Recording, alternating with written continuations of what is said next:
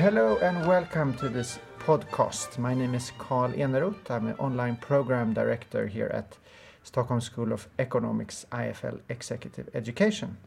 And with me today I have Per Strömberg, Professor of Finance at the Stockholm School of Economics and also Director of the Swedish House of Finance.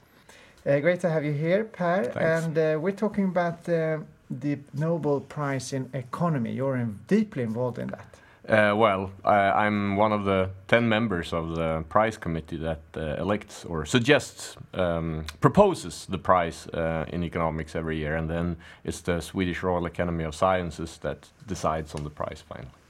Okay, but they go on your recommendations. Uh, they have so far in history went with our recommendations, but you know, you never know. Could you just tell me a little bit about that process? So, um, so we're a committee of 10 uh, economists. Uh, we're three people from the SSE uh, out of these 10, but they're professors from other universities.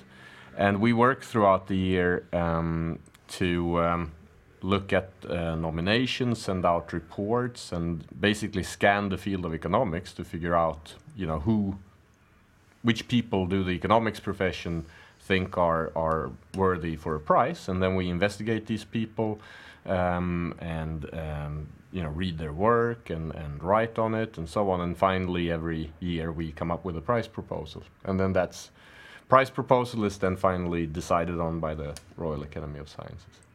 Is it similar to how the price of literature is uh, designed that all the members uh, they, they go for a long list, a short list, and then they all the members have to read all their work. These five. Uh, Um, well, um, it has some similarities. Uh, you know, we have um, we start with many names, and then we work ourselves down to you know the final proposal throughout the year. So in that sense, it's similar. Um, and we read, you know, most of us read uh, quite a lot of the work of these proposed laureates. So that's, I guess, is also similar. and they, they never know who is coming up. It's always a surprise. It's always a secret. It's always it's a very secret. secretive. Uh, it's a very secretive process. Okay, so you don't mention this to your wife even. Uh, you're not allowed to talk about it to anyone with anyone uh, outside of the prize committee. Yeah. Or the Royal Academy of Sciences will eventually, obviously, know. Okay, so we set the set that straight here before. yeah, exactly. No So, sensitive Uh, questions. we, we have uh, then uh, three people who won this year uh, Eugene Fama, Lars Peter Hansen from Chicago University, University Yep. of Chicago, and then Robert Shiller from Yale. no? right. So tell me, what was their, why did they win? So um, these three laureates work in a in a field that, that we call, you know, empirical asset pricing. So it's basically empirical work means, you know, people look at data and um, rather than theory. Um, and um, they look at asset prices, um, so prices of stocks and bonds and currencies and real estate and things like that. Um, and this, I, I think we're in the prize committee very happy to award this field because um, this sort of empirical finance research, if you will, um, has become one of the most important fields in, in economics. There's a huge amount of work done in this area, has been since Gene Fama sort of started this his work in the in the early 70s or late 60s. Um, um, so for that reason, it's an it's sort of an important field that we wanted to uh, uh, to award. What did he bring in?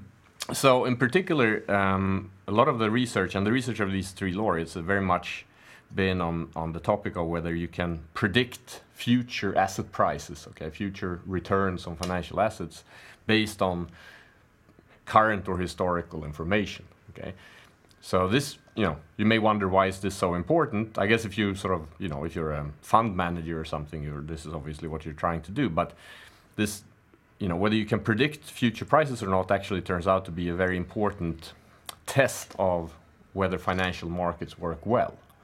Um, and we really want financial markets to work well because these prices of stocks and bonds and assets and so on, they very much decide what kind of investments and savings decisions are taken in the economy. So if these prices aren't right, you know, let's say some sector of the economy is totally overvalued, we'll have much, far too much investment in, in that area, um, which will be inefficient, and you can get bubbles and crashes and so on. So it's really important for the economy that these financial markets work well and that prices are, you know, more or less right on these assets.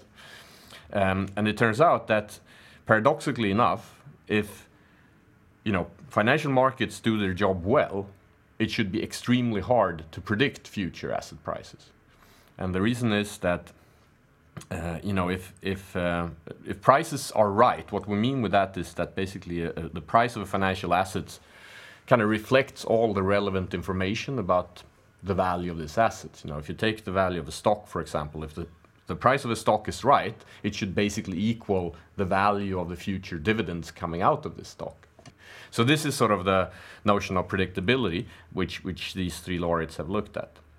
So um, the first person who started doing serious empirical work on, on to see whether you can predict stock prices was Eugene Fama. So he did this already in his dissertation. He came to the University of Chicago in the early 60s as a PhD student. Um, and it was actually at the time when, first of all, you know, the first rudimentary computers, you know, started to be used.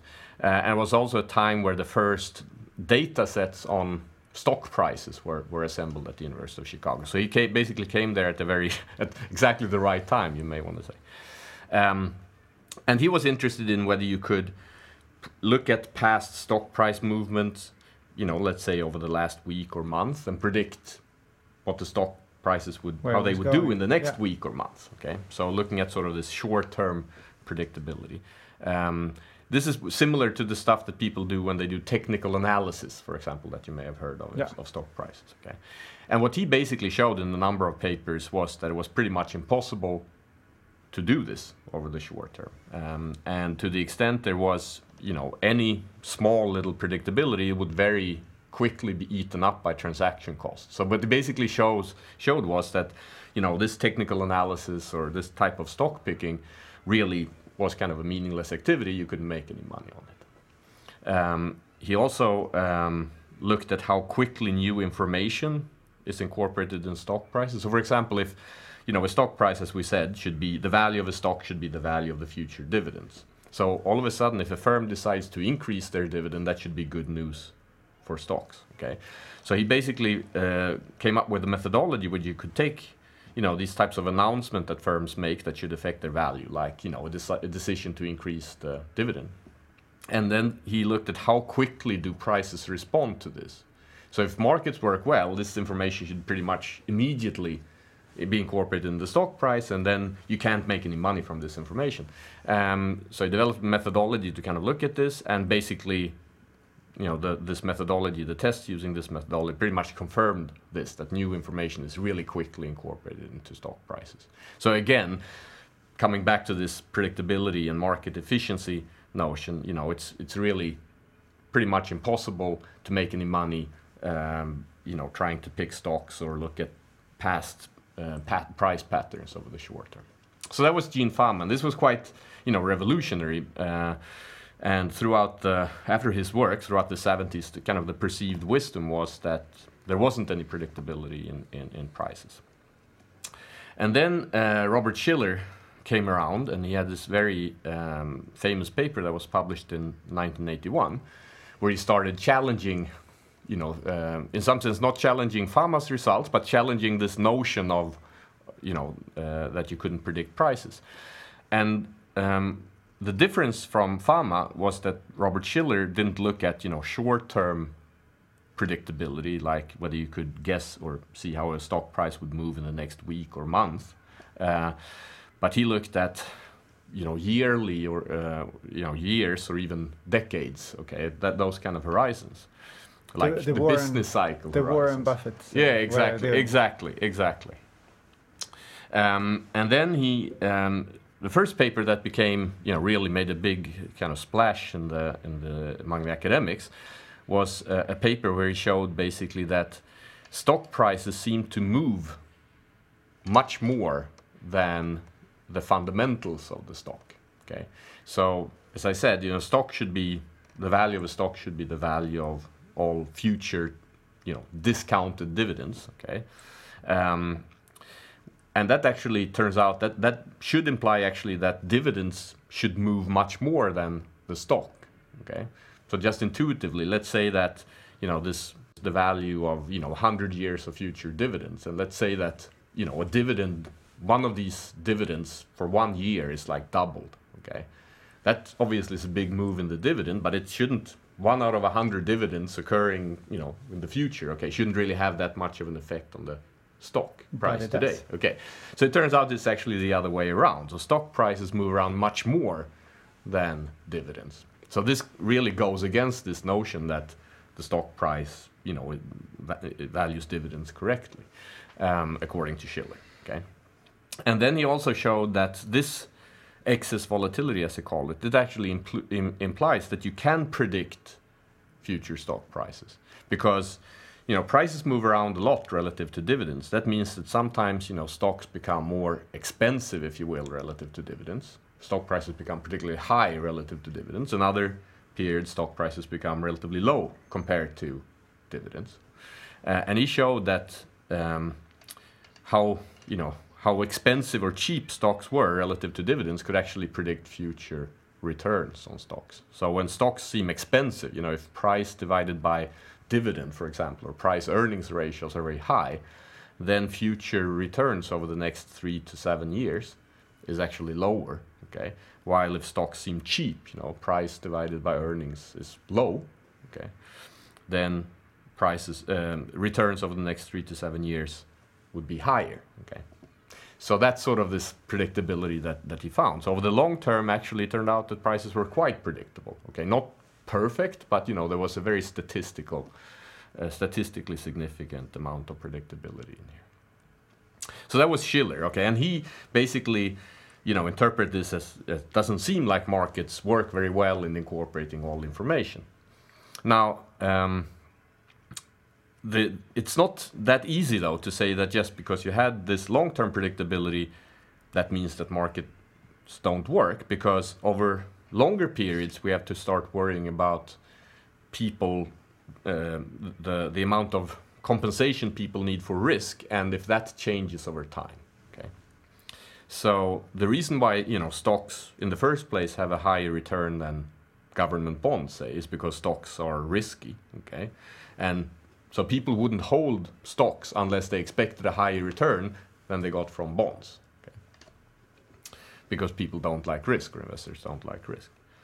So um, now you may actually imagine that people are during some time periods, you know, more prone to take risk, and in other time periods less prone to take risk. Okay. So, for example, if you're at the peak of the business cycle and people feel really rich, then maybe they are more willing to take risk. While in a recession, you know, and they risk losing their job and whatever, okay, then they're very risk averse. They're much less prone to take risks. Now, um, that could actually imply that during these business cycle booms, you know, the returns on stocks should be relatively lower because people don't demand such a high compensation for risk because they're much more prone to take risks. While in recessions, maybe people demand a really high compensation, so you should get a higher stock return following recessions. Okay, so this would actually be a story that could explain Shiller's results, but wouldn't rely on markets not working. Actually, markets were perfectly fine. It's just that people's, you know, rational investors have different risk preferences over time. So this is where the third laureate, uh, Lars Hansen, comes in because he basically tested, you know, the standard model for for how risk premia, you know, how stock returns should vary over the business cycle, which was called the consumption CAPM. Um, and turns out that these kind of models are very hard to test, so he had to develop a whole new economic or statistical methodology to actually be able to test these models. Um, and, and a big reason also why he got the prize is actually that this statistical methodology he developed has proven to be, you know, quite revolutionary in, in not just in finance but in all of economics. It's like an incredibly um, highly used method. But anyway, so first he developed the method, and then he used this method to test this story for you know how risk premia rational investors should have have risk you know risk compensation vary over the business cycle, and he showed then which was a huge kind of uh, got a, got a lot of attention. He showed that this standard model couldn't predict um, the predictability that Bob Shiller had found. So he basically found that sure there are these uh, you know business cycle movements, um, and you would think that that could lead to changes in, in stock returns over time. But basically, the business cycle or consumption, for example, of, of households didn't move enough to get enough to get the high amount of volatility we saw in, in stock prices. So so basically his this new methodology and this new tests basically show that this at least the simplest version of the rational explanation for stock prices didn't work. Okay. So um, so anyway, so that's sort of the, what they did. Um, um, So but this had a huge amount of impact on on the on the field going forward. Yeah. So Shiller uh, challenged uh, Hansen, who challenged the Fama, and Shiller proved that. So Hansen Shiller challenged Fama in a sense. No, so none of them are wrong. No. Okay. Because basically, Fama showed of the short term, it's very hard to predict prices, and that is still holds true. Okay, so for example, Fama's you know argument that's you know short term you know stock picking and technical analysis and things like this is kind of you know doesn't doesn't pay off. Those results still hold up, and both Fama, sorry, both uh, Shiller and and Hansen would agree on that. Okay. Um, Shiller's uh, result on this, you know, predictability over the business cycle frequencies, that everyone's agree. Well, Fama has also done work, you know, along the lines of Shiller to show that there's this long-term predictability. So everyone agrees on that. Okay, and Hansen's result that the simplest, at least the standard model, the consumption CAPM, cannot explain the predictability we see. That I think all of these three laureates agree on. So I think where they may disagree, or where you know, which you've seen a lot in the media, is how they interpret, you know, the the way forward, okay, or the what's the true explanation. So there, Shiller would argue uh, that the reason why you see this high predictability is because markets, you know, don't work efficiently. Because sometimes, you know, when when prices to earnings are high, that's would be a period where people have been too optimistic or overreacted to to information. Okay, so they have the wrong expectations, and that's why stock stock returns are lower after periods with high PE ratios, like in the internet era. You know what Shiller wrote a famous book where he said that internet stocks are totally overvalued, people are crazy, and you know we have a bubble that's going to crash. And it turned out, you know, he was kind of right. Okay, uh, at least on the that that markets crashed. Um, so that's sort of Shiller's view, and and his um, line of work has inspired to uh, a huge literature in, in in finance, which looks at how investors, you know, psychological biases and and things like that can affect market prices, um, and um, so which is called behavioral finance. Okay, while Fama, on the other hand, would argue that well, sure, Hansen rejected this sort of standard model of how rational people should, you know, uh, behave uh, uh, over the business cycle with respect to, to stock returns. Um, but maybe the standard model is just too simplistic. Okay, so um, following that line of argument, there's been a lot of developments of this standard rational model, which to think about more realistic models of how investors, you know, think about risk and and and things like that. Uh, and those new kind of macro-based models or models of, of rational models to explain how, how stock prices move over the business cycle or stock returns react uh, to business cycles. They are, that's also huge literature that really now has come up with models that more or less can get you know enough volatility in stock prices to be consistent with rational models. So I think currently this seems you know like um, we have two different kind of lines of research following these three laureates that kind of have different views on of the world. Uh, I would say that it's not as black and white as as this may sound. It's actually I think we've learned a lot now about um, when markets work and you know the kind of stuff that Shiller talks about is important. And we've learned also a lot of things about when markets work and and how the business cycle you know affects stock prices. So so thanks to the these three laureates and sometimes thanks to the kind of the disagreements they've had, we now know a whole lot more about what drives asset prices. So what? Uh, uh, so it's funny. uh, It's interesting to know that these people haven't worked as a team, which is the uh, first impression I got. These people have Right. really been arguing against each other over the decades. Well, to, uh, uh, they they've partly been on each other. arguing with each- with each other, but to a large extent they built upon each other. Yeah. So, okay, so Shiller wouldn't have written done his work unless he'd seen and and been influenced by Fama's early results. Okay, Um, and Hansen very much was uh, influenced both by Shiller and Fama. So when he did his his um, uh, you know tests of these these um, rational standard consumption CAPM model, he was very much influenced by Robert Shiller. So they basically build uh, very much on each other, uh, and we think it's a quite sort of cohesive set of results. And you, one thing that interesting was also the method that was the statistical method. Uh -huh. What was the new thing in that? So this is maybe getting a little bit um, slightly complicated for for uh, non-economists, but uh, this method is called generalized methods of moments or GMM, um, and the whole idea here is that you can test an economic model without having to solve the whole economic model. Okay, so some of these uh, economic models like consumption CAPM, they are quite hard and complicated to solve. You know, it's it's very very complex nonlinear relationships, uh, and to solve it, you have to make lots of restrictive assumptions on you know the statistical properties of stock prices and things like that. Okay, so uh, and and so then if we reject this consumption CAPM using standard methods, we don't know if we've rejected it because that model is wrong or because we've had to make very restrictive, unrealistic assumptions just to be able to solve the model. Okay, but the model may be right, but it's just that our very restrictive assumptions aren't right. Okay, so Lars Hansen came up with a way um, to to to you know uh, to be able to test these kind of complex models without sort of solving them fully and keeping a very general underlying assumptions. Okay, and that's basically what this GMM does. So the uh, thank you very much. Uh, the final question. So if I'm to pick a stock and invest in that, and if we apply these ideas uh -huh. that uh-huh. these people uh, apply, then we'll be the first one would then to look at not at the short term but the long term because we cannot right. predict anything. No, exactly.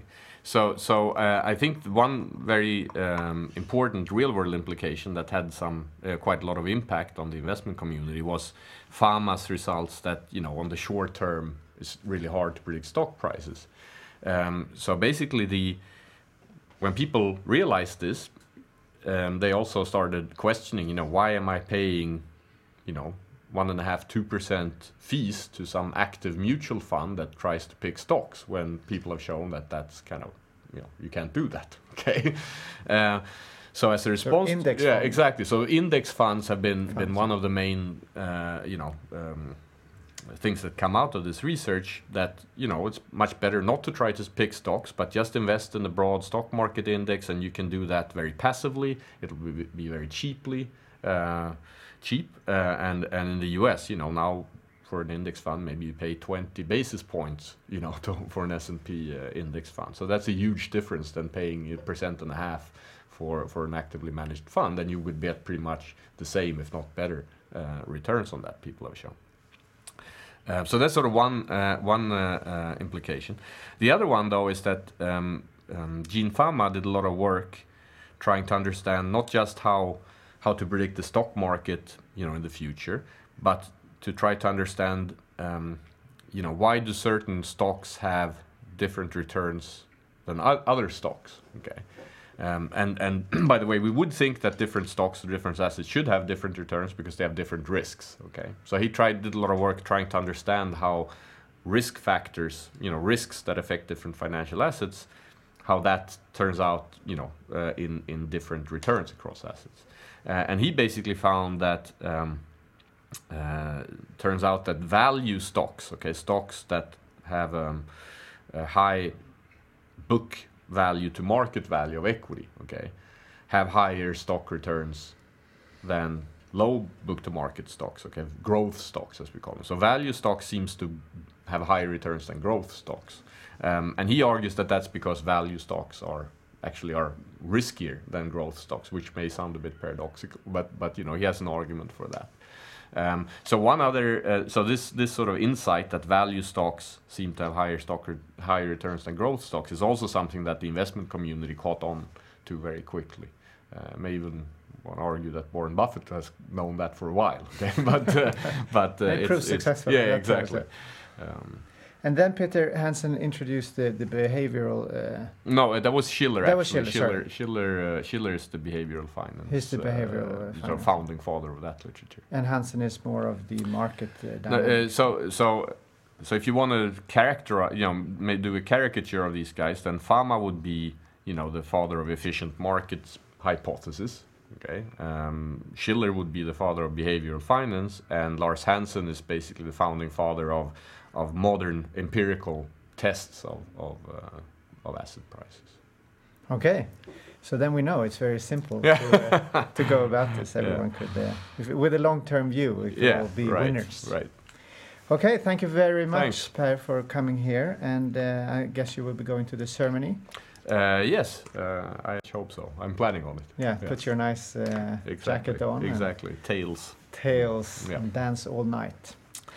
So thank you very much. This was uh, all from uh, IFL Stockholm School of Economics uh, today, and uh, please listen in on our other podcast at uh, www.ifl.se uh, slash inspiration.